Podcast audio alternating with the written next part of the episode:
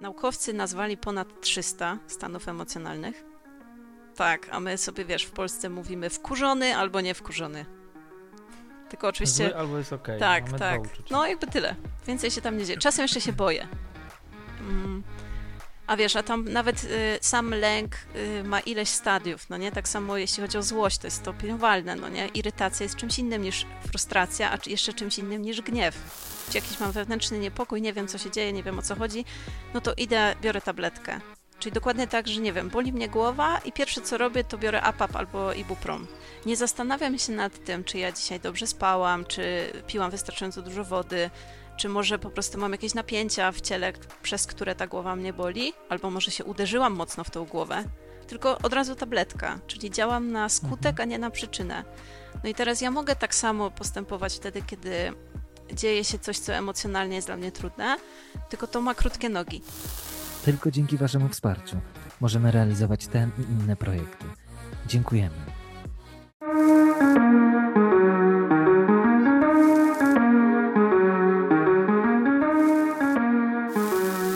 Szanowni, szanowni Państwo, witamy z powrotem. Mieliśmy trochę przerwy wakacyjnej, no i ona się lekko przedłużyła, ale wracamy z podcastami. Dzisiaj wspaniały gość, Monika Chochla.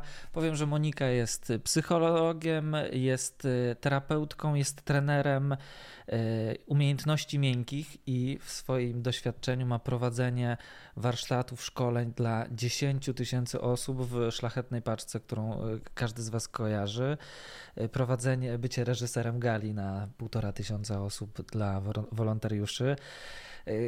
Monika ja jakoś serce do ciebie złapałem na festiwalu, na którym razem byliśmy w Wiatrakach. Bardzo dużo wspólnego myślenia. I przede wszystkim patrzę tu w prawo na książkę o mózgu. Ostatnio to jest mój punkt zainteresowania, jak działa mózg, jak to potem się przerzuca na ciało, jaki to ma styk z duchowością. I dzisiaj taki temat, szanowni państwo, z Moniką, yy, samoregulacja. Co to w ogóle jest? Hmm. To ja w ogóle powiem dzień dobry. I cześć. Nie dałem ci przestrzeni, przepraszam. Zawsze po tych wstępach to y, tak też potrzebuję właśnie sobie jakoś wyregulować emocje i to napięcie. to zróbmy oddech na tak, początek. Tak, dokładnie. Taki... Tak, to od razu taka część praktyczna, czyli teraz bierzemy sobie oddech, najlepiej do przepony, można położyć rękę na brzuchu i poczuć, że on się unosi. Y, I najlepiej zrobić wdech i wydech nosem. To tak na szybko czy na powoli?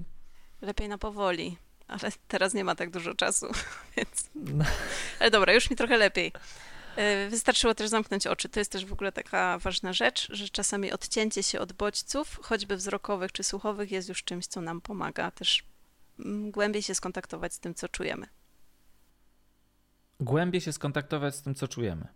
Tak, no bo to, co czujemy, dzieje się wewnątrz nas, a to, co widzisz, to, co słyszysz, to, czego dotykasz swoją skórą, to są bodźce zewnętrzne. I teraz, żeby, wiesz, usłyszeć to, co w środku, no to dlatego nam pomaga milczenie, mm, jakaś ciemność, albo to, że świeczka się tylko pali. No, co tam sobie myślisz? Bo, wiesz co, teraz jak to wiesz, tak sobie przypomniałem, że parę razy miałem takie sytuacje, takich rozmów wymagających, gdzie no niekoniecznie to było niekoniecznie przy złości, ale przy jakimś takim zamieszaniu, to ja robiłem tak właśnie. W, w, mm -hmm. i, I myślałem, że na idiotę wychodzę, ale teraz rozumiem, dlaczego to robiłem. Faktycznie, żeby złapać, coś, co się dzieje w emocjach, no. Y, jak mówimy dobre. coś ważnego, to często też zamykamy oczy. Mhm. No, bo trudno jest jednocześnie ogarniać te milion bodźców, które do nas docierają, do siatkówki oka, i jednocześnie słyszeć i widzieć to, co w środku ciebie się dzieje. Szczególnie właśnie, jeżeli to są jakieś emocje takie nieprzyjemne, jakieś wzburzenie wewnętrzne, albo trzeba komuś powiedzieć coś, co jest bardzo smutne, albo mm, też podzielić się czymś, co jest super ważne, w stylu, nie wiem, poprosić kogoś o rękę, no nie, no to zazwyczaj też jest tak, że wcześniej zamykamy oczy, bierzemy oddech i mówimy, dobra, to teraz. Dobrze, żeby w trakcie mówienia jednak otworzyć. No, żeby wiedzieć, kogo się prosi, no nie? I się nie pomylić mhm. na przykład. Ale pytałeś się o to, co, jest, co to jest samoregulacja i w ogóle regulacja. Tak. Jakby... Myślę, że to, dla części z nas to może być mhm. taki temat y, znany, bo to się robi y, na szczęście coraz bardziej taka omawiana, y, omawiany temat. y, ale niektórzy nie, myślę w ogóle nie słyszeli o tym.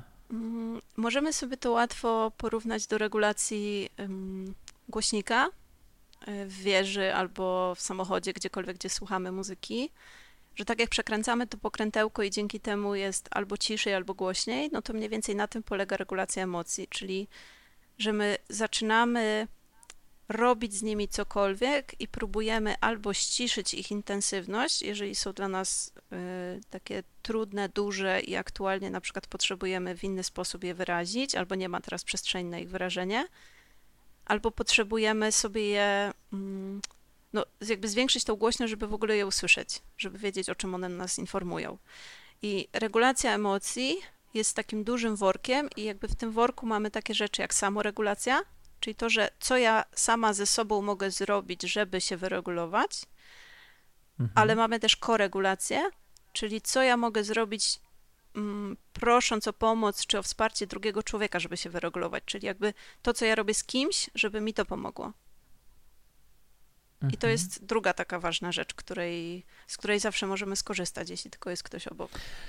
Czy to jest trochę o relaksacji, czy to są dwa różne, dwie, dwie różne rzeczy? Mm, relaksacja jest jedną z rzeczy, która nam może pomóc e, wyregulować emocje, które przeżywamy, ale to nie jest jedyna. To jest coś, co teraz myślę, że jest coraz bardziej popularne i fajnie i dobrze. Później sobie pewnie powiemy, dlaczego to dobrze, ale to nie tylko to, no bo na przykład jak myślę o koregulacji, to ja nie potrzebuję do relaksowania się drugiej osoby, ale na przykład, żeby porozmawiać o tym, co ja czuję, no to już trochę trudno jest samemu ze sobą.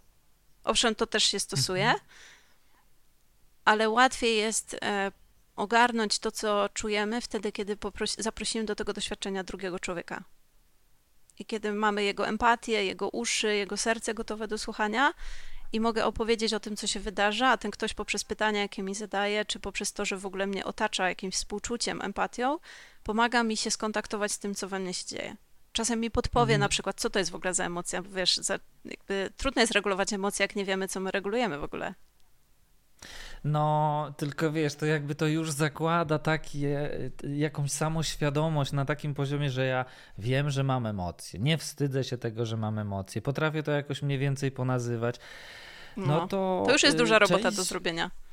To, to, bardzo, to jest bardzo nieoczywiste. Y, I, y, I teraz z jednej strony to jest, wiesz, rodzaj takiego myślenia, że jak mam tak mówiąc prostym językiem, mam nerwice, trzęsą mnie nerwy, no to jedyny, jedyny sposób, jaki, jaki często takie osoby mają, to muszę iść do lekarza po pigułę, żeby mi przepisywał piguły, bo już jestem w takim stanie, że tylko, tylko leki. A z drugiej strony to jest też wstyd. Nie mam mówić o emocjach, to w takim. Y, ja nie wiem, jak jest gdzie indziej, y, ale y, w Polsce to jest y, temat, y, no nie wiem, czyta się książki ludzi y, ze Stanów na przykład, to wynika z nich, że mówienie o emocjach jest trochę bardziej naturalną kwestią, tak kulturowo niż u nas, nie? Ale też zauważ, że nie o wszystkich. Bo jednak w Stanach mhm. zawsze, kiedy cię pytają how you doing, to masz powiedzieć I'm fine. Nie ma innej odpowiedzi. Że tam kulturowo też jest tak, że nie do końca jest fajnie ze złością, bo nawet jak patrzymy na poziom przestępczości i agresji w Stanach, to też z czegoś wynika. Gdyby się tam rozmawiało o wszystkich emocjach, tak otwarcie, jak to czytamy w książkach, no to nie byłoby aż takich problemów. Albo można by było powiedzieć, że no jakby dzisiaj nie do końca jest okej. Okay. No to pytanie, to jak się masz? W Polsce to jest w tonie powiedzieć, mm, nie bardzo. Tak, a my znowu mamy problem z tym, żeby wiesz, wyjść przed ludzi i powiedzieć, ej, zrobiłem coś fajnego. Możecie mi gratulować, mi w ogóle jestem dumny. Odnios... Tak, mam jakiś tak, tak. sukces. Tak. Nie wolno tego mówić, no. bo, bo jesteś wtedy wrogiem, jeśli ci się udaje. Y, no ale wróćmy do tych piguł. Mhm. Który, y, czy, czy samoregulacja może, czy techniki różne, pewnie sobie o nich porozmawiamy, może powodować coś takiego, że ja nie muszę na przykład brać jakichś leków, które mnie uspokoją albo y, wyrównają, czy to, to, to jakby to nie dotyczy tych samych y, kwestii? Hmm. Wiesz, ja bym tu rozróżniła to, czy ja sięgam po farmakoterapię z uwagi na chorobę, na przykład na depresję albo zaburzenia lękowe, czy sięgam po tabletki uspokajające, dlatego że nie chce w ogóle się przyjrzeć tym emocjom, bo są też takie osoby, które kiedy dzieje się coś, co je jakoś wewnętrznie przerasta, jest to, jakoś się posłużę znowu tym słowem wzburzenie, no nie? Czyli coś, jakiś mam wewnętrzny niepokój, nie wiem, co się dzieje, nie wiem, o co chodzi, no to idę, biorę tabletkę. Czyli dokładnie tak, że nie wiem, boli mnie głowa i pierwsze co robię, to biorę APAP albo Ibuprom. Nie zastanawiam się nad tym, czy ja dzisiaj dobrze spałam, czy piłam wystarczająco dużo wody, czy może po prostu mam jakieś napięcia w ciele, przez które ta głowa mnie boli, albo może się uderzyłam mocno w tą głowę, tylko od razu tabletka, czyli działam na skutek, mhm. a nie na przyczynę. No i teraz ja mogę tak samo postępować wtedy, kiedy dzieje się coś, co emocjonalnie jest dla mnie trudne, tylko to ma krótkie nogi. Ale oczywiście mówię tylko o tych przypadkach, kiedy nie mam do czynienia z chorobą. I te leki nie są przepisane tak. z uwagi na to, że no, potrzebuję sobie trochę wyrównać poziom neuroprzekaźników, żeby w ogóle jakkolwiek funkcjonować. Tak, no to te osoby, które są w psychoterapii, które mają kontakt z y, specjalistą, psychiatrą, który dostosował leki do ich długotrwałego stanu, mhm. to, to to zostawmy. Dobrze. To jest takie powiedzmy zadbana dziedzina. Mhm. Natomiast mamy tutaj sytuację kogoś, kto się tak, nie wiem, no nie wiem, od 10 lat rozkręca, coraz bardziej nerwowy jest, nie? Ta żona go wkurza, a on w pracy zdenerwowany, a dzie na dzieci to już w ogóle jakby jest taką kotłaniną nerwów, tak to nazwijmy, nie? I w takim wypadku to sobie, jeśli się nie zajmiemy takimi y, samopomaganiem sobie, uświadamianiem, no to jest, y, był taki filmik kiedyś, albo wódka, albo Bóg. Wiesz, ja właśnie chciałam powiedzieć, że cudownym rozwiązaniem by było to, gdyby taki człowiek sięgnął po tabletki, ale najczęściej w Polsce sięga jednak po wódkę. No. no nie, że to jest jednak najczęstszy znieczulacz służący do tego, żeby stępić te emocje, albo papierosy. To mnie dotyka, przyznam się publicznie. Ale, Ale wódka czy papierosy? Papierosy. O, widzisz. No tak się zdarza, no nie? No, każdy coś tam ma. Ktoś ma fejsa, ktoś ma fajki. Ale... Mm, znaczy, nie, no tak się śmieję, że wiesz, że każdy coś tam ma, tak jak Ralf Kamiński śpiewa, że każdy coś tam pewnie ma na deszczowe, smutne dni. No i tak jest, że każdy z nas ma jakieś tam sposoby znieczulania, bo to jest trudne, żeby się skontaktować z tym, co czujemy. Psychoterapeuci też mają swoje sposoby, żeby się znieczulić. Bo wiesz, mhm. trudnym jest życie ciągle w takiej głębokiej samoświadomości, głębokim kontakcie ze sobą i, mm, i pytaniem siebie ciągle, co się we mnie dzieje, co ja teraz czuję, co to są za emocje, a z jakich potrzeb to może wynikać, a o czym mnie to informuje, to wymaga dużo wysiłku i my po prostu czasem już nie mamy na to energii i zasobów, więc sięgamy po coś, co jest prostsze. Że jak się pokłócisz z kimś, to łatwiej jest sięgnąć i sobie scrollować face'a i zobaczyć, ile masz lajków, niż pójść i porozmawiać z tą osobą. No też y, powiedzmy sobie, że czasami odwrócenie uwagi od przeżycia nie musi być najgorszym scenariuszem. Czasami jest, jest okej okay to zrobić. Gorzej jak to się robi nasz nawyk. Tak. Y, Albo jedyny, jedyny sposób, sposób radzenia funkcjonowania. No. no. dobrze, no ale przejdźmy jeszcze. Y, jakby do, co, co, ja mogę zrobić? No jakby kiedy to poddenerwowanie mi się urosło, nie? I, i, i powiedzmy na szczęście nie wybieram tej wódki. Uf. Wiesz co? Pierwsza rzecz, żebyśmy w ogóle uczyli się regulować te emocje, to my potrzebujemy poznać ich język. Trochę tak jak wyjeżdżasz mhm. do obcego kraju, to się nie dogadasz, jak nie potrafisz ani słowa powiedzieć i nie rozumiesz, co do ciebie mówią. Więc dobrze jest nawet z internetu wydrukować sobie jakąś listę emocji. E, naukowcy nazwali ponad 300 stanów emocjonalnych. Tak, a my sobie, wiesz, w Polsce mówimy wkurzony albo nie wkurzony. Tylko oczywiście. Zły albo jest ok. Tak, Mamy tak. No jakby tyle. Więcej się tam nie dzieje. Czasem jeszcze się boję. Mm. A wiesz, a tam nawet y, sam lęk y, ma ileś stadiów, no nie? Tak samo jeśli chodzi o złość, to jest stopniowalne, no nie? Irytacja jest czymś innym niż frustracja, a jeszcze czymś innym niż gniew. Że to ma pewną intensywność, że każda z tych emocji podstawowych ma pewną intensywność i do każdej, każdego z tych stanów mamy ileś tam słów, które mogą to nazwać. Czyli wiesz, jeżeli mam taką listę emocji, to ja sobie mogę po prostu, tak jak uczę się słówek z obcego języka, to sobie przeglądać te słowa i uczyć się tego, aha, czyli co to jest. No i potem kolejnym krokiem jest takie nauka kojarzenia tego słowa, czy tego, co ja nazywam tym słowem, z jakimś konkretnym mm, wzorcem w moim ciele. Czyli wiesz, po czym poznaję, że jestem poddenerwowany czy poddenerwowana? No na przykład po tym, że czuję, że mam wypieki na twarzy, że trzęsą mi się ręce, że mam ochotę kogoś uderzyć, że, że zaciskam pięści i mam ścisk w żołądku. I to będzie inny wzorzec emocjonalny niż to, kiedy czuję się rozluźniona i w takiej błogości. Tylko to trzeba zauważać. I kiedy zaczynam łączyć te kropki, no to wiesz, mm, jakby można pójść dwutorowo, bo też dwutorowo te emocje w naszym mózgu się um, pojawiają, czyli one z jednej strony są takim wzorcem, taką informacją poznawczą o tym, że coś, co się dzieje na zewnątrz albo wewnątrz mnie, interpretuję jako coś, co może być dla mnie fajne lub niefajne, tak w największym skrócie, zagrażające albo takie, że spoko, przeżyję jeszcze ten dzień. A z drugiej strony mamy cały, mm, całą taką ścieżkę neuronalną, która prowadzi do tych objawów w ciele, no nie? I teraz to, co pomaga nam sobie z emocjami radzić, jak jesteśmy poddenerwowani czy w jakimś innym stanie, to będzie z jednej strony nazywanie tego, taka obróbka poznawcza, tak sobie to nazywamy, czyli rozmawianie o tym, powiedzenie o tym komuś, napisanie o tym na kartce, mm, napisanie o tym wiersza, piosenki, cokolwiek, różnie sobie to możemy zrobić, a z drugiej strony zajęcie się swoim ciałem, czyli wszelkie rzeczy, które poprzez ciało pomagają nam sobie z tą emocją poradzić. I tu na przykład na wchodzi przykład? relaksacja, tu wchodzi mm, sport, ruch, taniec, wytrząsanie emocji, albo tupanie, albo krzyczenie. Jeśli mamy do czynienia ze złością, tutaj wchodzi też na przykład e, coś, co nazywa się mm, takim z angielskiego to jest Emotional Aid Protocol, czyli taki jakby pierwsza pomoc emocjonalna, gdzie na przykład mamy coś takiego jak uścisk motyla. Wygląda to mniej więcej tak, że się obejmujemy tak, jakby ktoś nas obejmował i dla naszego mózgu to jest taki sygnał, tak jakbyśmy my byli w objęciach.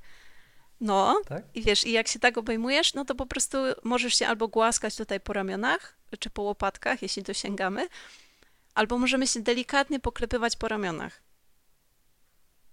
I to jest w ogóle coś, E, co no może śmiesznie wygląda.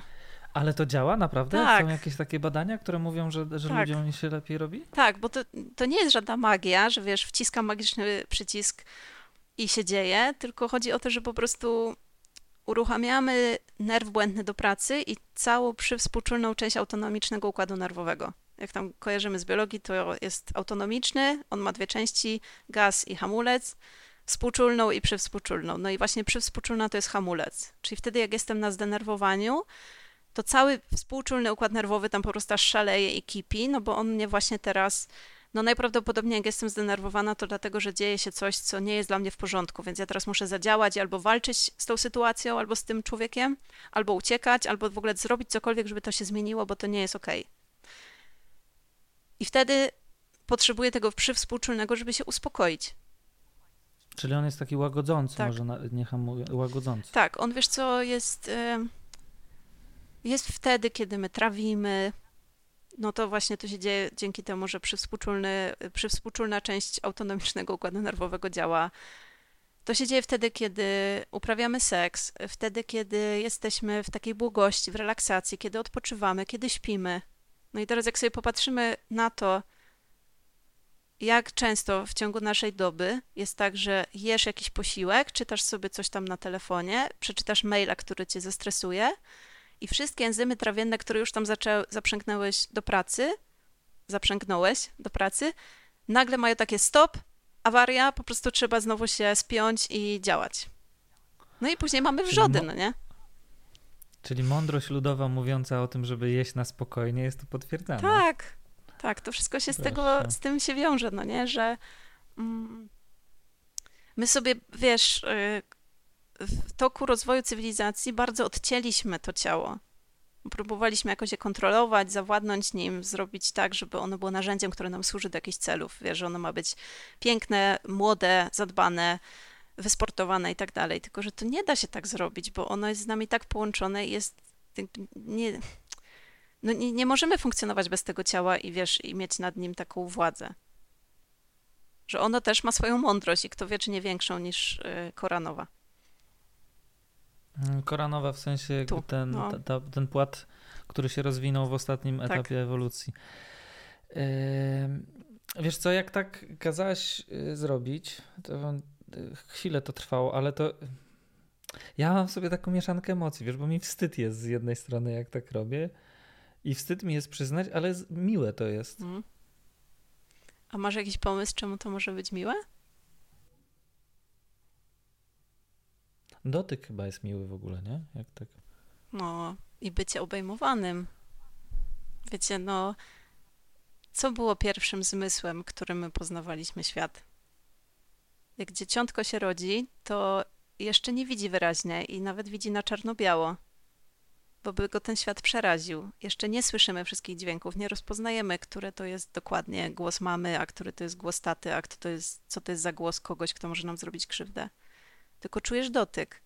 Jak jesteś w Mhm. objęciach matki, no tak mówię o matce, bo zazwyczaj to jednak matka od początku tym dzieckiem się dużo zajmuje, no to czujesz się bezpiecznie. Jak jesteś ciasno owinięty kocykiem, jak y, ktoś cię przytule, jak czujesz bicie serca, czujesz to ciepło drugiej skóry. No, że ten kontakt skóra do skóry, on jest strasznie ważny. No i potem my jesteśmy dorośli i nawet przyjaciół nie przytulamy, no bo siara. Albo ktoś pomyśli, że jakieś nie wiadomo, co tam się dzieje między nami. Jeszcze jak ktoś ma dzieci albo mm, zwierzę, to spoko, to jeszcze tam się przytula. Ale jakby tego dotyku już nie ma tak dużo. A on jest też czymś, co nas reguluje. Dlatego właśnie bardzo dużo technik samoregulacyjnych będzie wykorzystywało dotyk, czyli to będzie albo jakiś automasaż, yy, na przykład automasaż twarzy, bo to jest też bardzo dużo zakończeń nerwowych, a krótka droga do mózgu, tak w największym skrócie. To będzie też dotykanie sobie tego miejsca, gdzie się łączy y, żuchwa z uszami. No, tam bardzo dużo napięć też się bierze i dużo się tam odkłada. To będzie głaskanie się po głowie, głaskanie się po rękach, po udach. Bardzo wiele osób, jak się stresuje, to się tak nerwowo, e, no, no głaszczą się po udach, nie wiem jak to inaczej nazwać. I to jest też taka reakcja, jakby wiesz, żeby trochę się uspokoić, no nie? Mhm. Nawet są takie specjalne zabiegi, że się wstrzykuje coś w te mięśnie, które są tutaj spięte, żeby się rozluźniły. To nie wiedziałam o tym. E, Ja też się ostatnio dowiedziałam. Wiem tylko tyle, że są fizjoterapeuci, którzy czasem zakładają rękawiczki i wkładają rękę właśnie do, do środka twarzy czy do jamy ustnej i po prostu od środka przetykają te punkty spustowe. Mhm. No, A, y, mm, bo wiesz, ostatnio czytam taką książkę, Towarzyszyć sobie z życzliwością, y, Sary Payton, że tak zareklamuję, bez, y, bez umowy z wydawnictwem. Y, ona mówi o układzie spoczynkowym. I mnie to jakoś tak bardzo mocno przekonało. Y, Układ spoczynkowy, czyli rozumiem, taki sposób działania czy przestawienia się naszego mózgu, kiedy nie jesteśmy nastawieni na świat zewnętrzny, na bodźce, które są przed nami, na jakąś analizę, a tak schodzimy trochę do siebie.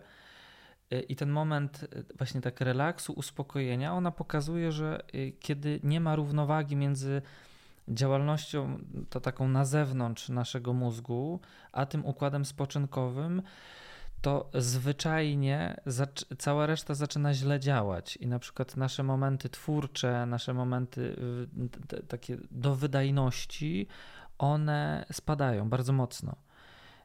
I to mnie przekonało do tego, że faktycznie to nie jest tak, że, dawać sobie uspokojenie, to wiesz, bo jak to się kojarzy, że to musisz być taką, za przeproszeniem, miękką fają, nie? Mhm. No, tu sobie dać życzli, życzliwość, usprawiedliwiać się, nie stawiać sobie żadnego wymagania, a ona to tak jakby pokazała z drugiej strony zupełnie, że to sprawia, że y, efektywność twojego życia, y, kierunku, który chcesz, jest lepiej osiągalny. Mhm. No, bo wiesz, to jest znowu o tym takim przekłamaniu, w które my uwierzyliśmy, w takim, o takim złudzeniu, że my możemy być produktywni jak maszyny, taki, tacy super wydajni, że my możemy cały czas działać, pracować, osiągać. No nie, nie jesteśmy do tego stworzeni.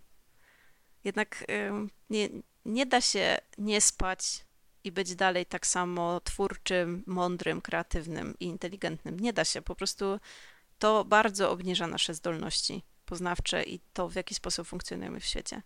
I nie da się nie odpoczywać i to robić. No właśnie, ja chyba w to uwierzyłem niestety, ale robię krok do tyłu. I bardzo ciekawa jest ta tech- technika, ja to biorę. Mhm. Y, Jesteś w stanie jakieś inne pokazać? Y, Takie, które y, Mhm. mogą zadziałać w jakiś sposób? Jestem, tylko muszę się napić. I nie Mhm. wódki. Nie słyszałem o kimś, kto w czasie nagrania. Pił Ale to alkohol? myślę, na pewno, się, na pewno się zdarzyło, na pewno. Wiesz, ja czasem mam takie wątpliwości, jak się łączę z kimś online, co on tam pije, jak to jest jakiś taki bordowy Jabłkowy- kolor albo jabłkowy, A. no nie? Okej. Ale się okazuje, że kombucha to jest jakieś tam coś z zieloną herbatą chyba, czy jakaś sfermentowana zielona herbata, czy coś, no to, że to ma taki kolor podobny do alkoholu.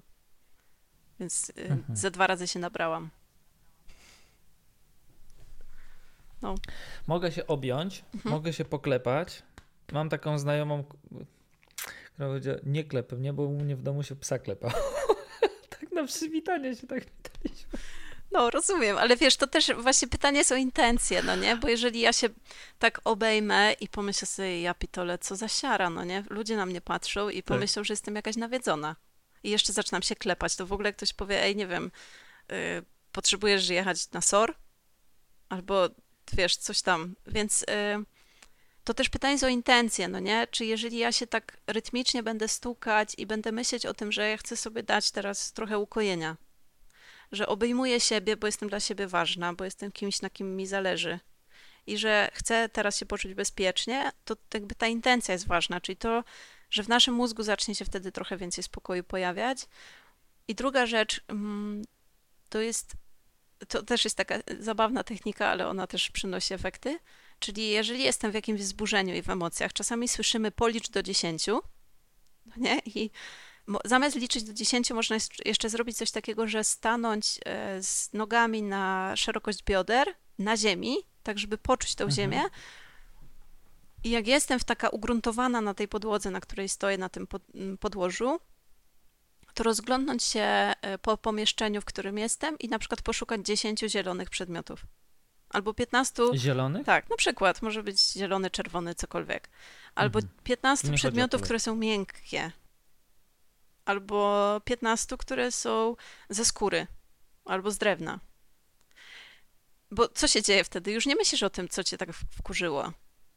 Tylko zaczynasz się skupiać na tym, no dobra, jest zielony kwiatek, jest zielona doniczka, jest zielony, zielona miska, zielony, zielona poduszka i tak dalej. I myślę już bardziej o tym, a to daje mi trochę czasu na to, żeby te emocje troszkę opadły, bo one są jak fala, no nie? Jeżeli ja zacznę działać i, i mówić jakieś rzeczy do kogoś wtedy, kiedy jest, kiedy jest szczyt tej fali, to prawdopodobnie to będą słowa, które mogą go bardzo zranić.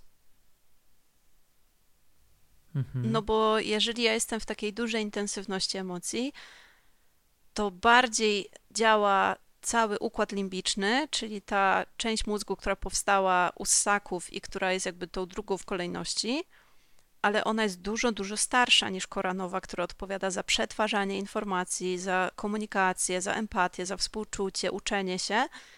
Więc trudno się dziwić, że my w takich dużych emocjach, w takim dużym nasileniu emocji, nie mamy dostępu do racjonalnego myślenia. No nie ma siły, no po prostu nas odcina. Okej, czyli, y, no bo wiesz, jak tak nam emocje podskoczą, to wtedy się pojawia taka, właśnie teraz mam taką jasność myślenia i, i powinienem, powinnam to wypowiedzieć i to jest z poziomu y, niedopuszczenia pewnych y, informacji z innego kawałka mózgu, Mhm. rozumiem. Tak, no i wiesz, ta jasność emocji to podejrzewam, że bardziej przypomina tunel, na końcu którego ja widzę światło, ale wiesz, za tym tunelem jest jeszcze rzeczywistość, której ja w tym momencie nie dostrzegam. I widzę tylko jakiś Mm. wybrany kawałek, no nie? Jeżeli kłócę się z kimś, to ja nie jestem w stanie wtedy zobaczyć w momencie tej kłótni, w dużym wzburzeniu tego, że ten człowiek być może chce dla mnie dobrze, a może to jego zachowanie wynika z jakichś jego trudnych historii z, z, sprzed lat, a może to, co się dzieje, to, to w ogóle nie jest o tym, co mi się wydaje, że to jest jakaś moja interpretacja. Czyli co? Wartościowe jest to, żeby na, na przykład ten szczyt emocjonalny przeczekać i wtedy nie zareagować i, y, i zastosować wtedy na przykład te y, danie sobie. Ukojenia, czy tam objęcie Tak, się. najlepiej w, w, tak, chyba wejść do Toytoja, do łazienki, żeby nikt nie widział i żeby nie mieć poczucia tak jak ja teraz, że co sobie ktoś pomyśli, jak to wygląda. Nie? Ja bym na przystanku tak nie zrobił, na pewno. Z- wiesz, jakoś tak pomyślałam sobie o tym, że ja chyba kiedyś tak zrobiłam, że po prostu potrzebowałam tego i nawet się nie zastanawiałam nad tym, co ludzie powiedzą, tylko po prostu się objęłam, ale jakoś chyba nikt nie zwrócił na to uwagi. Wiesz, A, wszyscy mieli nosy w telefonach, się no wydaje. nie? A, no tak, to jest duży plus No, teraz tak. tej technologii, która się rozwija. Dokładnie, więc wiesz, yy, zresztą to jest też ważne, że jeżeli my jesteśmy wśród ludzi, to automatycznie ten lęk przed tym, co oni powiedzą, też jakoś nas stresuje, to też budzi napięcie. Że jakby bardziej będziemy przeżywać pewne emocje wtedy, kiedy otaczają nas inni ludzie, niż wtedy, kiedy jesteśmy sami ze sobą. Tak, ale y, coś, czego nie widać, y, to jest, y, mm, to jest oddech. Mhm. I, I coraz więcej się mówi o, nie wiem, o technikach oddechowych. Czasami to brzmi jak szamaństwo, czasami to brzmi jak y, jakaś wiedza taka, ja- jak obsługiwać włas- własne ciało, to zależy trochę kto to prezentuje. Natomiast oddychanie nosem pomaga, Mhm. prawda? Jakby to też jest y, y, jakoś opisane. Tak, to jeżeli ktoś potrzebuje mm, takiego podłoża naukowego w ogóle do oddechu i do różnych takich rzeczy związanych z ciałem, to odsyłam do teorii poliwagalnej Porchesa. To jest bardzo dobrze udokumentowana i opisana teoria i zarówno są książki o tym, jak to działa teoretycznie, ale też jest książka Teoria poliwagalna w praktyce, chyba 50 różnych ćwiczeń. Więc to jest też taka Mm. rzecz, którą polecam. I to nie jest szamańskie. Nie, bo teraz możemy sobie myśleć, że kurde, jakaś magia, no nie? Wcisnę guziczek, to wcześniej rozmawialiśmy z, Dan- z Danielem o tym. Mm, dobra. To zacznę od tego nadgarstka. Mhm. Czyli to nie działa w taki sposób, że ja sobie nacisnę nadgarstek i emocja znika, bo to nie jest mm, żadna magia czy szamaństwo. Tylko możemy spojrzeć sobie na oddech jak na takie narzędzie, do którego my mamy dostęp 24 godziny na dobę, 7 dni w tygodniu, zupełnie bezpłatnie, za darmo. I nie korzystamy z niego w taki sposób, jakbyśmy mogli, bo nawet nie zauważamy, jak bardzo oddech się nam spłyca w sytuacjach napięcia, złości, lęku, albo w sytuacjach, kiedy mm, jesteśmy bardzo zestresowani, potrzebujemy odpocząć, ale jeszcze na wdechu gdzieś tam lecimy coś załatwić. Mhm. No i właśnie to się dzieje na wdechu, na takim, żeby jeszcze szybciej, szybciej, szybciej. No nie? Albo że jeszcze tylko to i ja odpocznę. A kiedy odpoczywamy i się relaksujemy, to automatycznie nasz oddech się wydłuża. To się dzieje poza naszą kontrolą. Zresztą nawet teraz, jak rozmawiamy i oddychamy, to przecież ani ty, ani ja o tym nie myślimy, żeby to teraz wdech, a teraz wydech. Na całe szczęście, bo byśmy oszaleli. W sensie już nic byśmy nie Mhm. zrobili na świecie, gdybyśmy się musieli skupiać na tym, że trzeba oddychać. Ale intencjonalne skupienie się na oddechu, po pierwsze, jakby samo w sobie jest uspokajające, bo wracasz znowu do czegoś, co no, to ma ogromny taki też metaforyczne takie znaczenie, że to jest jakieś życie, które w ciebie wchodzi i wychodzi, w sensie takim, że taki przepływ, Tak. no nie, że nie da się bez oddechu funkcjonować, że to jest po prostu, ty bierzesz ten tlen, wydychasz dwutlenek i bierzesz tlen i wydychasz, że to jest takie koło życia, które się kręci. I to jest też coś, co nas zawsze połączy z naturą i z takim światem pierwotnym, z którego my wyrośliśmy. Tak, i tutaj jest mm, w ogóle bardzo uspokajający też. Oczywiście nie we wszystkich warunkach, bo jak ktoś jest w turbo trudnej sytuacji albo w depresji, no to uważność y, czy praktykowanie uważności y, może pogorszyć sytuację. mm. Ale jak jesteśmy tak względnie w tym środkowej płaszczyźnie, odcinając ekstrema, to to, to, to, to, to samo skupienie się na czymś prostej czynności powolnej, ono jest przyjemne i uspokajające. Na przykład taki bardzo wolny chód. Nie? Tak. Idę tak powoli, powoli, że to jest, że czuję wszystkie mięśnie. To jest zwyczajnie przyjemne. nie? Tak, choć wiesz, myślę sobie o tym, że dla kogoś, kto ciągle biegł w swoim życiu, początki takiego wolnego chodzenia mogą być bardzo frustrujące. No, bo tak. trzeba się bardzo ja tak, przestawić.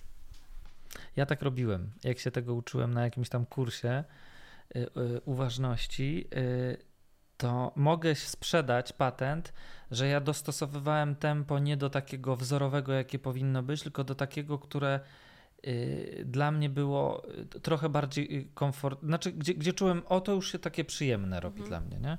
I coraz, no, z czasem coraz wolniej, coraz wolniej. To zobacz, to jest też takie ważne, mm, żeby sobie przystosować do siebie i te techniki, i te narzędzia, o których słyszymy. Nie? że komuś bardziej będzie pomagał oddech mm, pudełkowy, czyli taki pudełkowy oddech to jest wdech na cztery, czyli liczę do czterech i wdycham powietrze, mhm. zatrzymuję na cztery, czyli jakby druga płaszczyzna pudełka, wydycham na cztery i zatrzymuję na cztery, żeby takie pauzy. O, to ja słyszałem inną. 4, 2, 6, 2. I możesz o tym powiedzieć, bo tu co to jest i gdzie o tym słyszałeś? Nie chcę, nie wiem, czy to jest prywatna teoria. Byłem na pewnych warsztatach. To nazywane było oddechem koherentnym, gdzie 4 sekundy wdechu, dwie pauzy, 6 wydechu, dwie pauzy. I teraz uzasadnienie teoretyczne było takie, że przedłużanie wydechu y, proporcjonalnie do wdechu jest uspokajające dla. E, Układu czy stymuluje. Mhm. Tak, nerw błędny. I ponoć jest taka różnica jeszcze jakby w sposobie oddychania, że kiedy oddychamy brzuchem, czyli tutaj bardziej, to to stymuluje y, nerw błędny, ale kiedy przepona, czyli barki nie idą do góry, ale roz, rozciąga się tutaj tak na boki płuca, mięśnie międzyżebrowe, to, to ma działanie regeneracyjne dla nadwyrężonego układu nerwowego. E, e, układu, przepraszam, nerwu błędnego. Tak tam usłyszałem. Nie, nie jestem w stanie odwołać się do żadnych badań, więc warto to zweryfikować. To, to też wiesz, co właśnie w tej teorii poliwagalnej jest fajnie opisane. Bo Brawo, jakby myślę sobie, że te wartości liczbowe, one mogą być różne i tu znowu można do siebie dostosować że można zacząć właśnie sobie 4, 2, 6, 2, a można zrobić 4, 4, 4, 4, a można jakby jeszcze inne wartości. Generalnie chodzi o to, żeby się skupić na oddechu i żeby była ta pauza, ten moment zatrzymania i żeby też robić to w miarę powoli. Tak, tak. No i, ale te, te pauzy jeszcze powiem, bo to dla mnie było takie bardzo ciekawe, że to znowu to wstrzymanie oddechu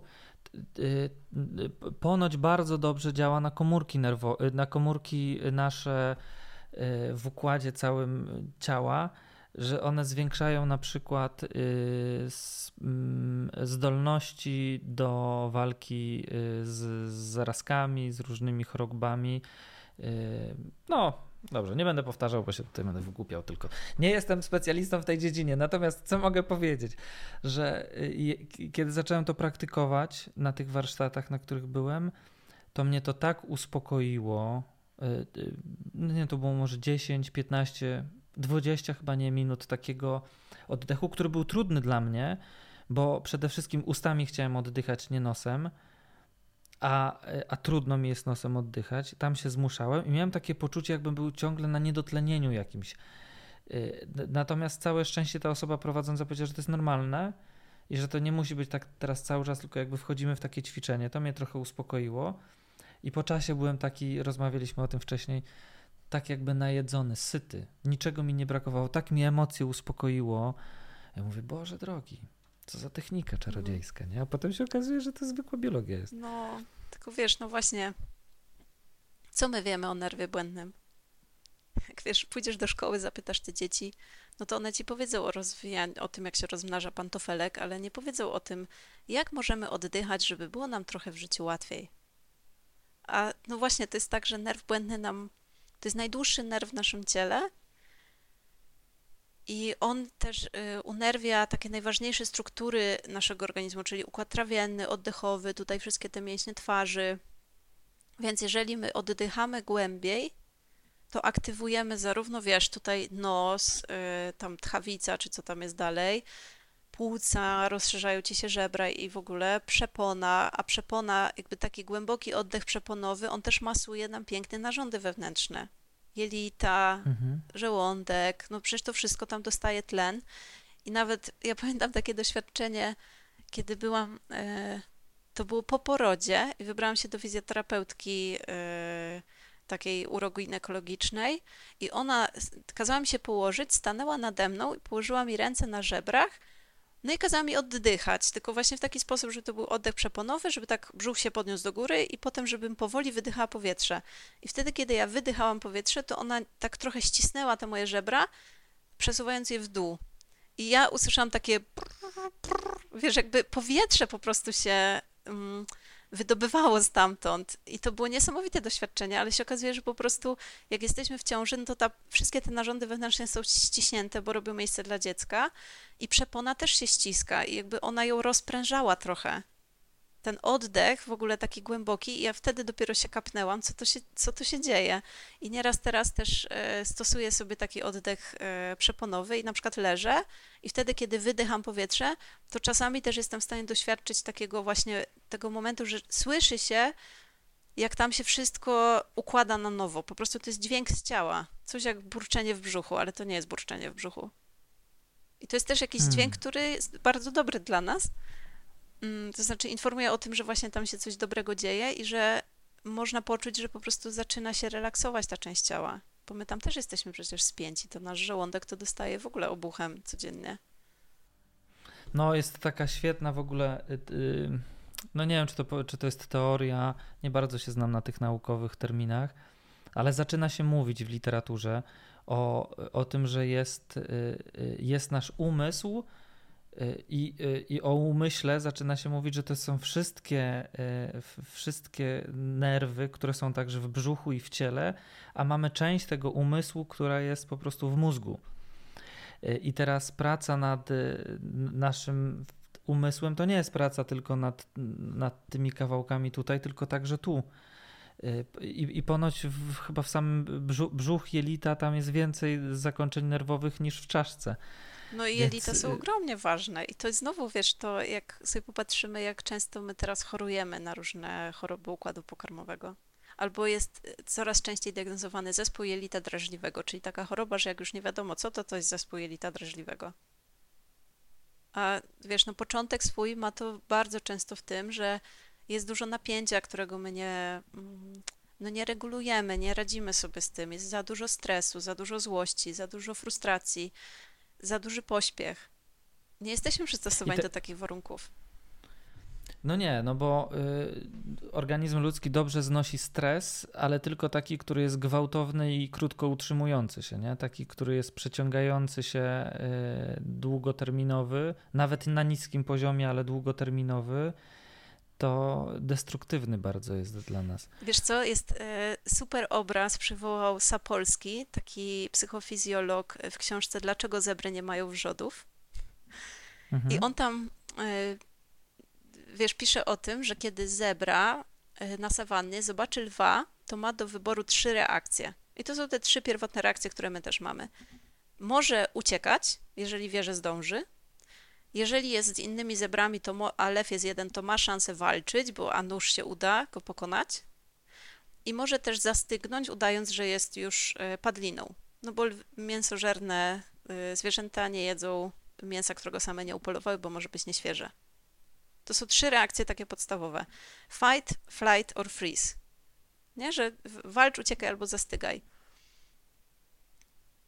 I to, co się dzieje, to to, że ten lew nie goni jej w nieskończoność.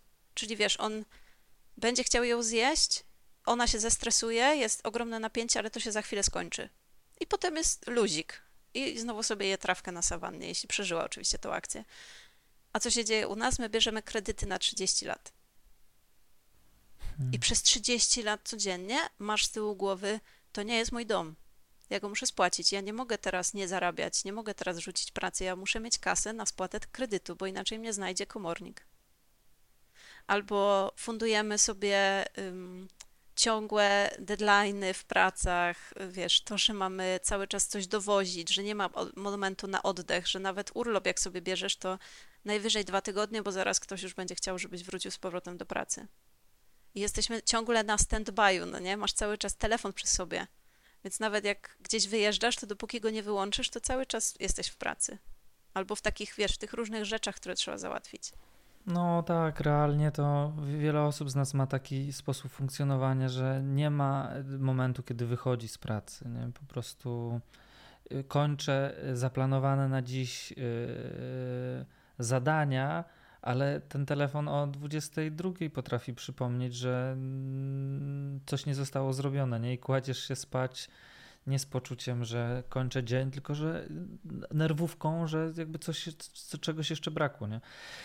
A kojarzysz to wytrzęsywanie, bo jak powiedziałaś o tej y, zebrze, no to ja słyszałem o czymś takim, że skóra tych zwierząt tak się wytrzęsa, a my tego nie umiemy, chociaż niektórzy mówią, żeby tak robić, że tak stanąć i tak śmieszne to jest, ale ale może działa.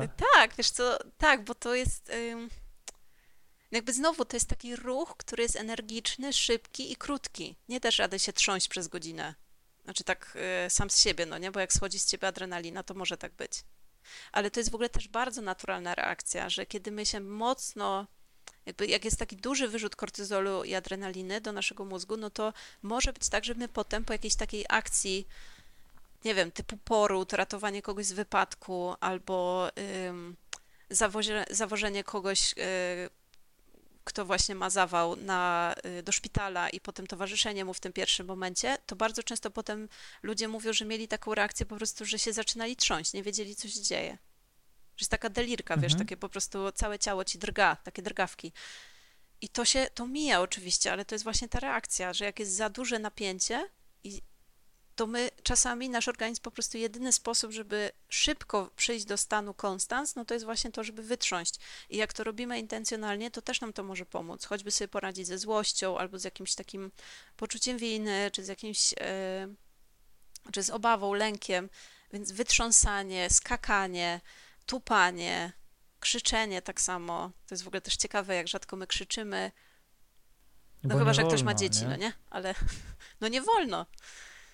Znaczy, jak się ma dzieci, to też nie wolno, bo teraz to różne rzeczy się mogą dziać, ale mm, wiesz, chodzi mi o to, że ja czasami osobom, z którymi współpracuję, y, czy terapeutycznie, czy na warsztatach, y, daję taką wskazówkę, żeby albo iść do lasu i w ogóle usłyszeć swój własny krzyk, wiesz, skontaktować się z tym, jaki to jest dźwięk. Albo Super. na przykład zamknąć się w samochodzie, włączyć jakąś głośną muzę i śpiewać. Jakiś rok albo coś w tym stylu ale żeby głośno A z taką śpiewać. agresywnym kawałkiem siebie no. się skontaktować, że ja go mam. Tak, Dobre. Tak, i wiesz, że to jest całkiem ja naturalne. Byłem, byłem kiedyś na takiej sesji o poznaniu akceptacji siebie, bardzo dawno temu. I, I tam był taki moment, że kazali iść do lasu, i ja pamiętam, że rzucałem gałęźmi i nie wiedziałem, że mam taką wściekłość w sobie, wiesz. Dopiero jak zacząłem rzucać tymi takimi spruchniałymi kawałkami i widziałem, jak to się rozlatuje, to wiesz, takie poczułem, kurka, ale mam siłę. no to chodziło o to, żeby sobie trochę upuścić tych emocji, tak. nie? Ale, tak. ale z drugiej strony y, y, szedłem tam taki zażenowany, że mam to robić, a z drugiej strony jak to zrobiłem, to wiesz, tak poczułem jakbym... Y, bardzo dziwne przeżycie, jakbym trochę odzyskał władzę nad swoim ciałem, takie to było. Że coś tam wyrzuciłem i taki się zrobiłem bardziej gibki od razu. Ale super, że masz takie doświadczenie. W ogóle wiesz, jak słucham też o tym, jak dużo zrobiłeś na takiej drodze do integracji ciała i umysłu, to jest mega. To sobie myślę, że życzyłabym tego wszystkim ludziom, szczególnie Polakom. Ale wiesz, tak, bo to jakby na nowo masz taką integrację wewnętrzną, jakąś spójność, że jakby kumasz, co się dzieje i możesz też zrozumieć, że jeżeli tam masz ochotę na przykład kogoś uderzyć, to o czym to jest i wtedy sobie można przypomnieć, aha, to kiedyś las mi pomógł, to ja może pójdę do tego lasu, porzucam gałęziami i wtedy połączą mi się te styki, na przykład, co mnie tak naprawdę tak wkurza w tym drugim człowieku. No bo najprawdopodobniej tak, to nie on, tylko jakiś, jakaś moja historia, która się łączy z tym, co on robi. No tak, tak. Tro, trochę trzeba myśleć, z czym mi się to kojarzy, nie? I że to nie zawsze jakby to, co przeżywam, jest o tej sytuacji, tylko o czymś, co było. Tak terapeuci mówią i mogę to potwierdzić. Y, no bo y, tak wiesz, zbierając, to mówiliśmy o tym, że co my możemy z tą regulacją emocji zrobić, żeby nazywać w ogóle emocje, dawać sobie takie, takie przyzwolenie, że my możemy je czuć. Do tego jeszcze zaraz wrócę że możemy z ciałem pracować w taki sposób, że w ogóle rozpoznawać te reakcje i w ogóle te wzorce takie, które mamy w ciele, które się łączą z konkretną emocją u nas i radzić sobie z tym właśnie poprzez takie rzeczy jak taniec, ruch, wytrzęsywanie, tupanie, właśnie szukanie takich prostych sposobów ukojenia się tu i teraz, czy oddech. No i bardzo dużym kawałkiem jest taka obróbka poznawcza, czyli zastanowienie się o tym, nad tym, o czym ta emocja mnie informuje. Jaka potrzeba za tym stoi? Co to jest za historia, z którą się to łączy? Dlaczego ja tak myślę, no nie? Mhm. Wiesz, co ostatnio przeczytałem? Taką ciekawą rzecz, która mi y, y, y, trochę pom y, pomogła uwierzyć, że nie wszystko jest stracone. Jest w, w, mózgu taki kawałek, który odpowiada za takie nagłe reakcje tej walki, o której powiedziałaś, nie? To, yy, to przysadka mózgowa. Aha, o przysadce. Mhm. Tak, tak, tak. I, y, no i to, co mówi psychoterapia, czyli że jeśli y, kiedyś mamy doświadczenia jakieś funkcjonowania w zagrażającym środowisku, jakkolwiek zagrażające fizycznie, psychicznie, no to ona zaczyna tak funkcjonować. I uczy się, i później widzi podobne sytuacje w normalnej codzienności, podobne, ale nie takie same, i reagujemy na przykład lękiem, y, agresją w sytuacji, kiedy to nie jest potrzebne.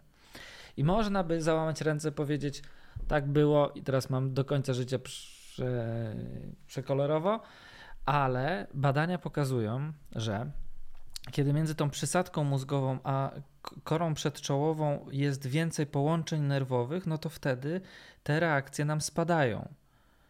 I się okazuje, że jak się ćwiczy na przykład zwolnienie oddechu, czyli stymulację y, nerwu błędnego, to niezależnie od wieku robią nam się połączenia. Więc nawet jak ktoś się wychowywał w traumatologicznym, takim środowisku, które powodowało traumy wcześniej, to dzisiaj dalej może wpływać na to i sobie y, ten y, zbyt mocno rozkręconą tą przesadkę trochę zwolnić, przez to, że w sytuacji stresowej będzie na przykład robił ten głęboki oddech i z czasem mu się to w, nie wiadomo w jakim stopniu, ale wyrówna na pewno i są na to badania. To w ogóle się okazuje, magiczne oddychanie może sprawić, że oddziałujemy na doświadczenia traumatyczne swoje, nie? wypadków jakichś, które przeszliśmy.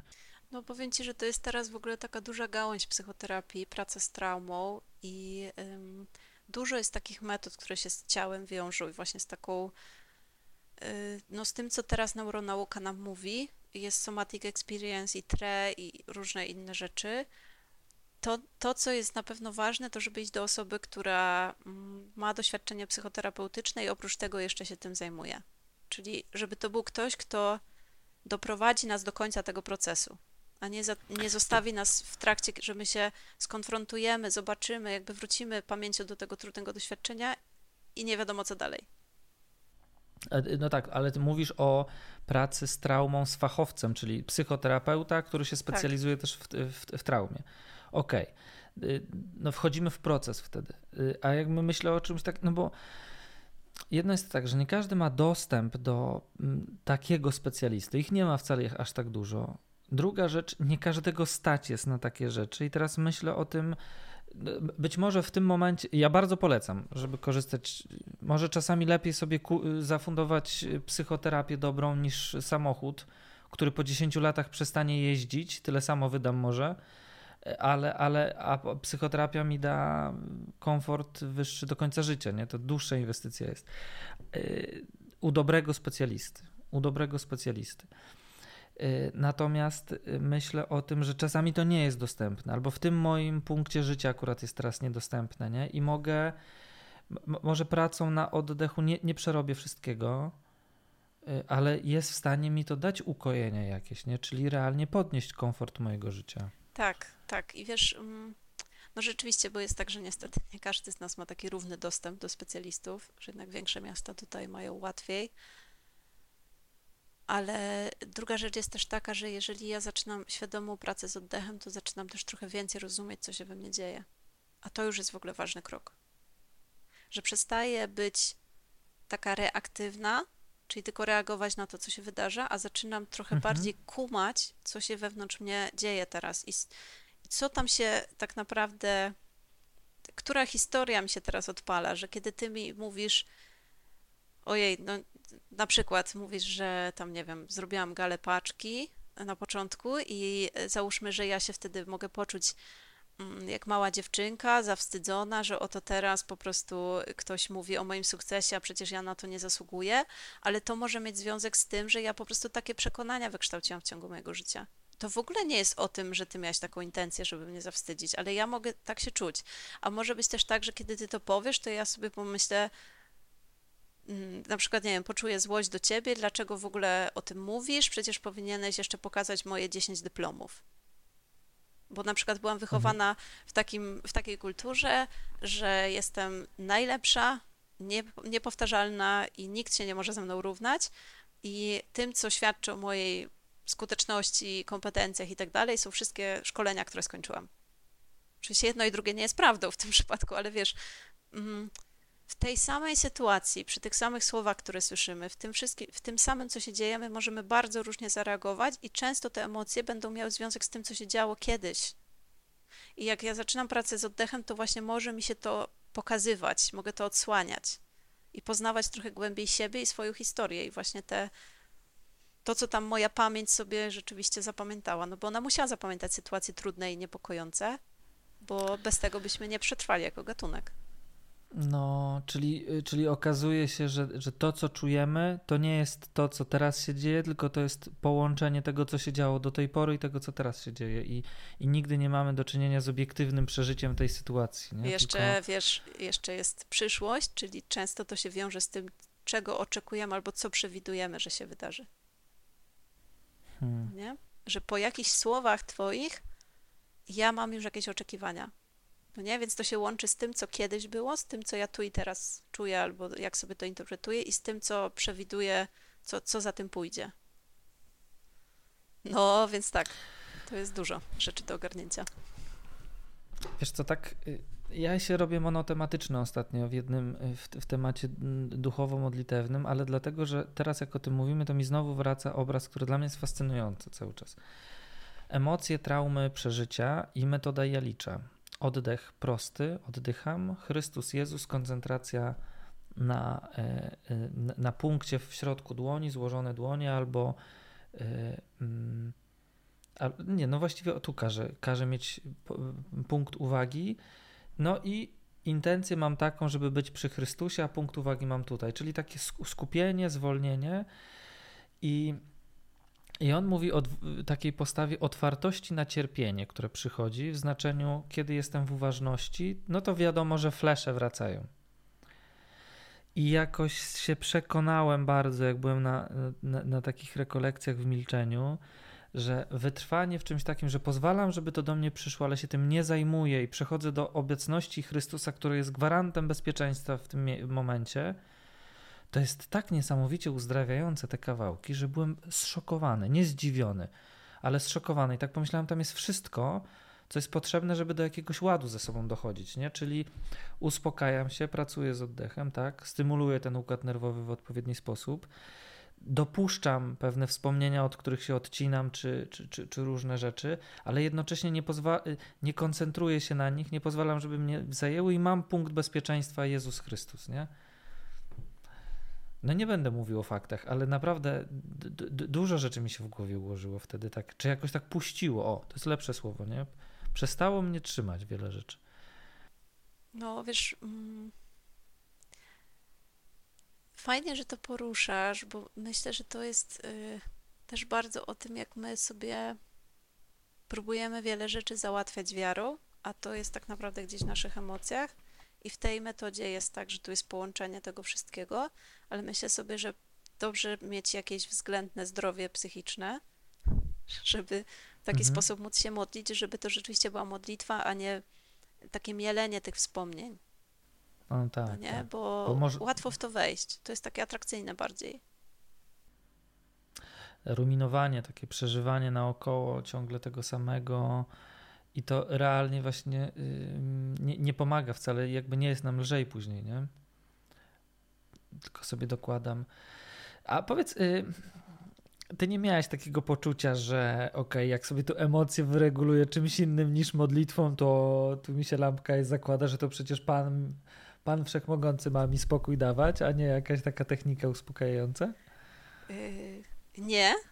Yy, nie? Nie, ja tak. Wiesz, bo ja się mm. spotykam często z, no. często z, z takimi.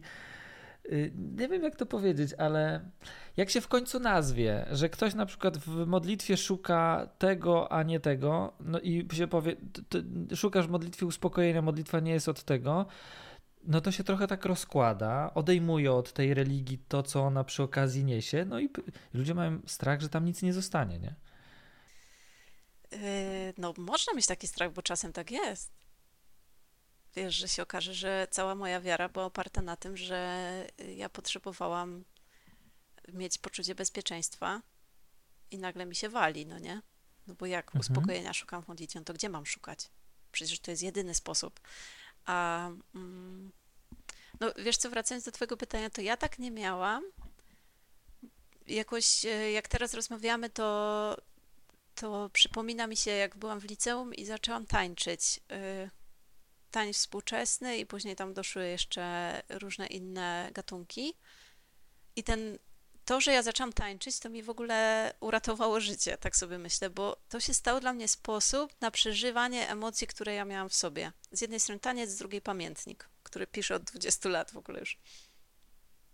No i dalej mi pomaga, to jest najlepsze. Hmm. A czasem jak sobie wracam do tego, co ja miałam w głowie mając 15 lat, czy ileś, to się sama sobie dziwię, no ale no tak było. Za to, wiesz... Ja poprzez taniec odkrywałam, że w ogóle to bardzo dużo się w ciele dzieje i ja mogę też wyrażać pewne rzeczy tańcem. Na przykład pamiętam, jak kiedyś podobał mi się taki chłopak, no i się okazało, że on ma już dziewczynę, więc ja byłam oczywiście zdruzgotana, zdruzgotana jak to dziewczyny w wieku nastoletnim, takim faktem. I puściłam sobie wtedy piosenkę y, Kai Ibregowicza, jeśli Bóg istnieje. Którą? Jeśli Bóg istnieje. A... Tak, ona jest taka właśnie do takich momentów. I po prostu zaczęłam układać jakąś choreografię, wiesz, tak jak czułam. Y, a że taniec współczesny, on jest mocno o takim kontakcie z podłożem, o gruntowaniu, o byciu w centrum, o takim punkcie ciężkości, który jest w brzuchu, no to to jest też taki, takie bardzo podobne do różnych technik, y, o których już teraz wiem, że y, służą temu, żeby sobie poradzić z emocjami, więc mi to bardzo poukładało.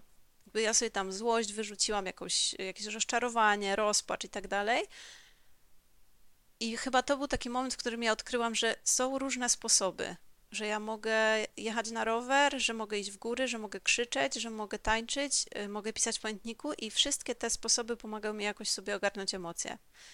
I no. modli- jakby nie szukałam przez to chyba w modlitwie mm, tego, czego, no, no to nie o to w modlitwie chodzi, no nie? Żeby tam sobie znale- zaspokoić różne potrzeby emocjonalne, tylko jakoś to, to miałam różne narzędzia i jednocześnie też czułam, że to jest wszystko dobre. Że nie, nie, to nie było żadne zagrożenie dla mojej duchowości nigdy.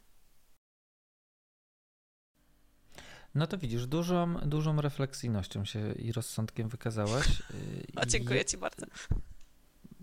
No, y, bo jednak nie zawsze tak jest, nie? Y, y, czasami jest tak trochę to, ja to tak widzę, że ktoś y, y, trochę boi się skorzystać z, z innych rzeczy, które go uspokajają, bo na przykład boi się, że straci wiarę. Y, I to jest trochę realne, trochę pozorne. Realne pod tym względem, że ta wiara mi się uszczupla, bo skuteczniej mogę sobie wyregulować emocje zupełnie w inny sposób. I ja bym powiedział, i korzystaj z tego i warto. Nie? I z drugiej strony zostaje wtedy takie pytanie, a to co to jest ta wiara dla mnie? Nie? I się okazuje, że to y, jest mniejszy jakiś kawałek życia, ale nie znaczy mniej ważny, nie? że ta relacja, po, po pierwsze to jest relacja, czyli też regulująca jakoś, do drugiej osoby y, jest dla mnie ważna, choć do tej pory ją przeżywałem tylko w taki sposób, że relacja istniała, kiedy ja się uspokajałam, a teraz się okazuje, może ona istnieć tak, że kiedy ja jestem spokojna, czy spokojny idę do tego Pana Boga. I dla mnie to taki moment, kiedy zaczynałem nie używać Pana Boga do uspokajania się czy do jakiegoś regulowania, to był takim momentem, kiedy jakby to nazwać, wiesz. Yy, no, że w końcu mogliśmy tak na poważnie porozmawiać. No, chyba tak. Jak to opowiadałeś, to miałam przed oczami takie związki, które czasem funkcjonują, że jedna osoba drugiej używa do tego, żeby się uspokajać. I, ten, i specjalnie używam słowa używać, bo tam nie ma relacji w, w takim znaczeniu, że ja widzę drugiego człowieka. Nie, on mi jest potrzebny do tego, żebym ja była spokojniejsza. mhm. że ja Mhm. mogę opowiedzieć o tym, że się wkurzam, że coś, że się czegoś boję, że coś mi się udało, albo mi się nie udało, albo zrobiłam, nie zrobiłam, ale nie ma takiego e, wspólnego wzrastania, jakiegoś dojrzewania razem, zobaczenia siebie, ym, bycia przy drugim. Tylko wiesz, jest to, że ja wyrzucam z siebie, żeby nie użyć gorszego słowa, liczę, że ktoś to weźmie, coś on mi ma dać w zamian i załatwione. Jest mi lepiej. Tak, a, a jak postawi opór, to jest wtedy wściekłość, nie? Bo No, znaczy opór w oczywiście. sensie, że nie ma przestrzeni na to, no to Jak może. Ale wiesz, to jest takie. To jest trochę z takiego naszego pragnienia jeszcze dziecięcego, żeby się zlać, żeby być, wiesz, tak bardzo z kimś drugim w takiej symbiozie, że po prostu on jest zawsze na każde zawołanie wtedy, kiedy go potrzebuję i wszystkie moje potrzeby w tej jednej osobie będą zaspokojone. Tylko to się tak nie dzieje. I się nie wydarzy. Już jakby poza. Mm, mówiąc dosłownie, poza łonem matki już nie ma takiego momentu, że jesteś tak bardzo z kimś złączony, że on wszystkie twoje potrzeby zaspokaja. mhm. I to jest też super, bo my byśmy nie potrzebowali innych ludzi, gdyby jedna osoba nam wystarczała. Wiesz, może, można bardzo kogoś Wiesz, kochać no- i jednocześnie kochać też, nasze serce jest tak super pojemne i zresztą nawet mm, jak się popatrzy na Trójcę Świętą, to nie jest, nie jest to dwie osoby, to są trzy osoby, czyli to jest jakaś wspólnota, coś więcej niż taki związek, wiesz, dwojga. Czy tam się, tam się więcej interakcji dzieje niż tylko ja i ty. Nie? Więc y, jakby to też pokazuje, że my nie możemy w tej jednej osobie tak się uwiesić na niej i oczekiwać, że ona nam to wszystko da, bo to jest po prostu niemożliwe i nie byłoby dla nas zdrowe. I myślę sobie, że w taki sam sposób, jak my się uwieszamy tylko na Panu Bogu i oczekujemy, że On nam da to wszystko i tylko On i tak dalej, to jakby zamykamy sobie drogę do zobaczenia tego, jak On jest obecny w tym świecie. Bo wiesz, jak ja Tak. jadę na rower, żeby się trochę wyregulować albo trochę umysł oczyścić po pracy z pacjentami, no to ja mogę jechać oczywiście tam, nie wiem, muzyki słuchać czy coś. Pytanie, czy to do końca bezpieczne jest. Ale ja mogę też jechać i wiesz, zaprosić na tą przejażdżkę Pana Boga i sobie jechać z Nim. I nawet nie muszę z Nim gadać, ale ja wiem, że On tam jest, no nie? Że od Niego mam to ciało, od Niego mam ten rower. W sensie ktoś to wymyślił, jakiś ludzki mózg zaprojektował te dwa koła i połączył je ze sobą. Więc jakby mogę w taki sposób to przeżywać. I to nie jest tak, że to się tylko musi dziać, e, wiesz, w sensie takim, że te różne metody, których, mm, które wykorzystujemy, to też może być taka forma naszej duchowości, jakby mm, taki przejaw naszej wiary, tylko żeby to było zdrowe, że jakby ja mogę z tego korzystać, bo przecież w tym wszystkim na przykład jest moje ciało. A moje ciało nie jest niczym złym. W sensie samo w sobie nie, nie ma jakby. To nie jest tak, że ciało jest czymś grzesznym. Ja wiesz, kiedyś wierzyłam, że my już wyszliśmy z tego myślenia, ale niestety wciąż się z nim spotykam w kościele. Że po prostu ciało to jest najgorsze zło, że ciało cię zawsze zaprasza do czegoś, co ostatecznie nie będzie ci służyć. No kurde, a jak kochasz, jak nie ciałem? Ja myślę, że lepiej nie wchodźmy w ten temat, bo tutaj za dużo jest. Y, Natomiast nawiązując do tego, co mówisz, to ym, samoregulacji, uspokajania się, no to, bo to jest przykład, jakby tak samo jak funkcjonujemy w relacjach z innymi ludźmi, jak, ym, znaczy może od innego kawałka, on to powiedział, znowu tam pogadam o sobie, a co? Y, Jak się zacząłem uspokajać trochę, to zauważyłem, że mi jest łatwiej, y, w sensie stosować te techniki, to mi jest łatwiej być z innymi ludźmi, łatwiej po prostu, z tego powodu, że wiesz, no jest jakieś takie podświadome liczenie, że y, albo samotność na przykład, nie? In, inaczej się wchodzi w relacje, jak ja wchodzę w, w, relację czy na spotkanie z kimś dlatego, że jestem samotny i potrzebuję z kimś pogadać, a inaczej dlatego, że możemy pogadać, nie? To jest w ogóle tak dużo bardziej płynne to spotkanie, tak, tak mniej obciążej, tam mniej takiego dziwactwa jest w tym, nie? Jakie ono bardziej płodne wtedy jest, takie otwierające coś, nie? Ale mi to się zaczęło, y, no powoli powiedzmy robić, wtedy kiedy zacząłem jakoś tak bardzo świadomie sobie regulować to, te emocje, nie? I co było szokiem dla mnie, cierpiąc na przeżycie samotności, to, to jest taka samotność zła, inna, to nagle bycie samemu ym, nie powiem, że jest lepsze, nie powiem może też, że jest dobre, ale że nie jest uciążliwe. Że można to wybrać. Że już nie sprawia I- tak dużo bólu i cierpienia, no nie? No tak, tak, tak, tak. Nie? A i teraz, wiesz, ja szukałem trochę takich różnych metod w, w, no właśnie, będę na adoracji tyle czasu, będę się tak modlił i, i, i, i w gruncie rzeczy myślałem, że, po- czy miałem nadzieję, że ta modlitwa, czy te techniki różne duchowościowo-religijne mi to wyregulują, a teraz zajęcie się tym bezpośrednio, że chodzi o emocje i nie o nic więcej, i zajęcie się tym, to spowodu, powodowało właśnie, że, że, że to dużo bardziej sprawnie zaczęło działać.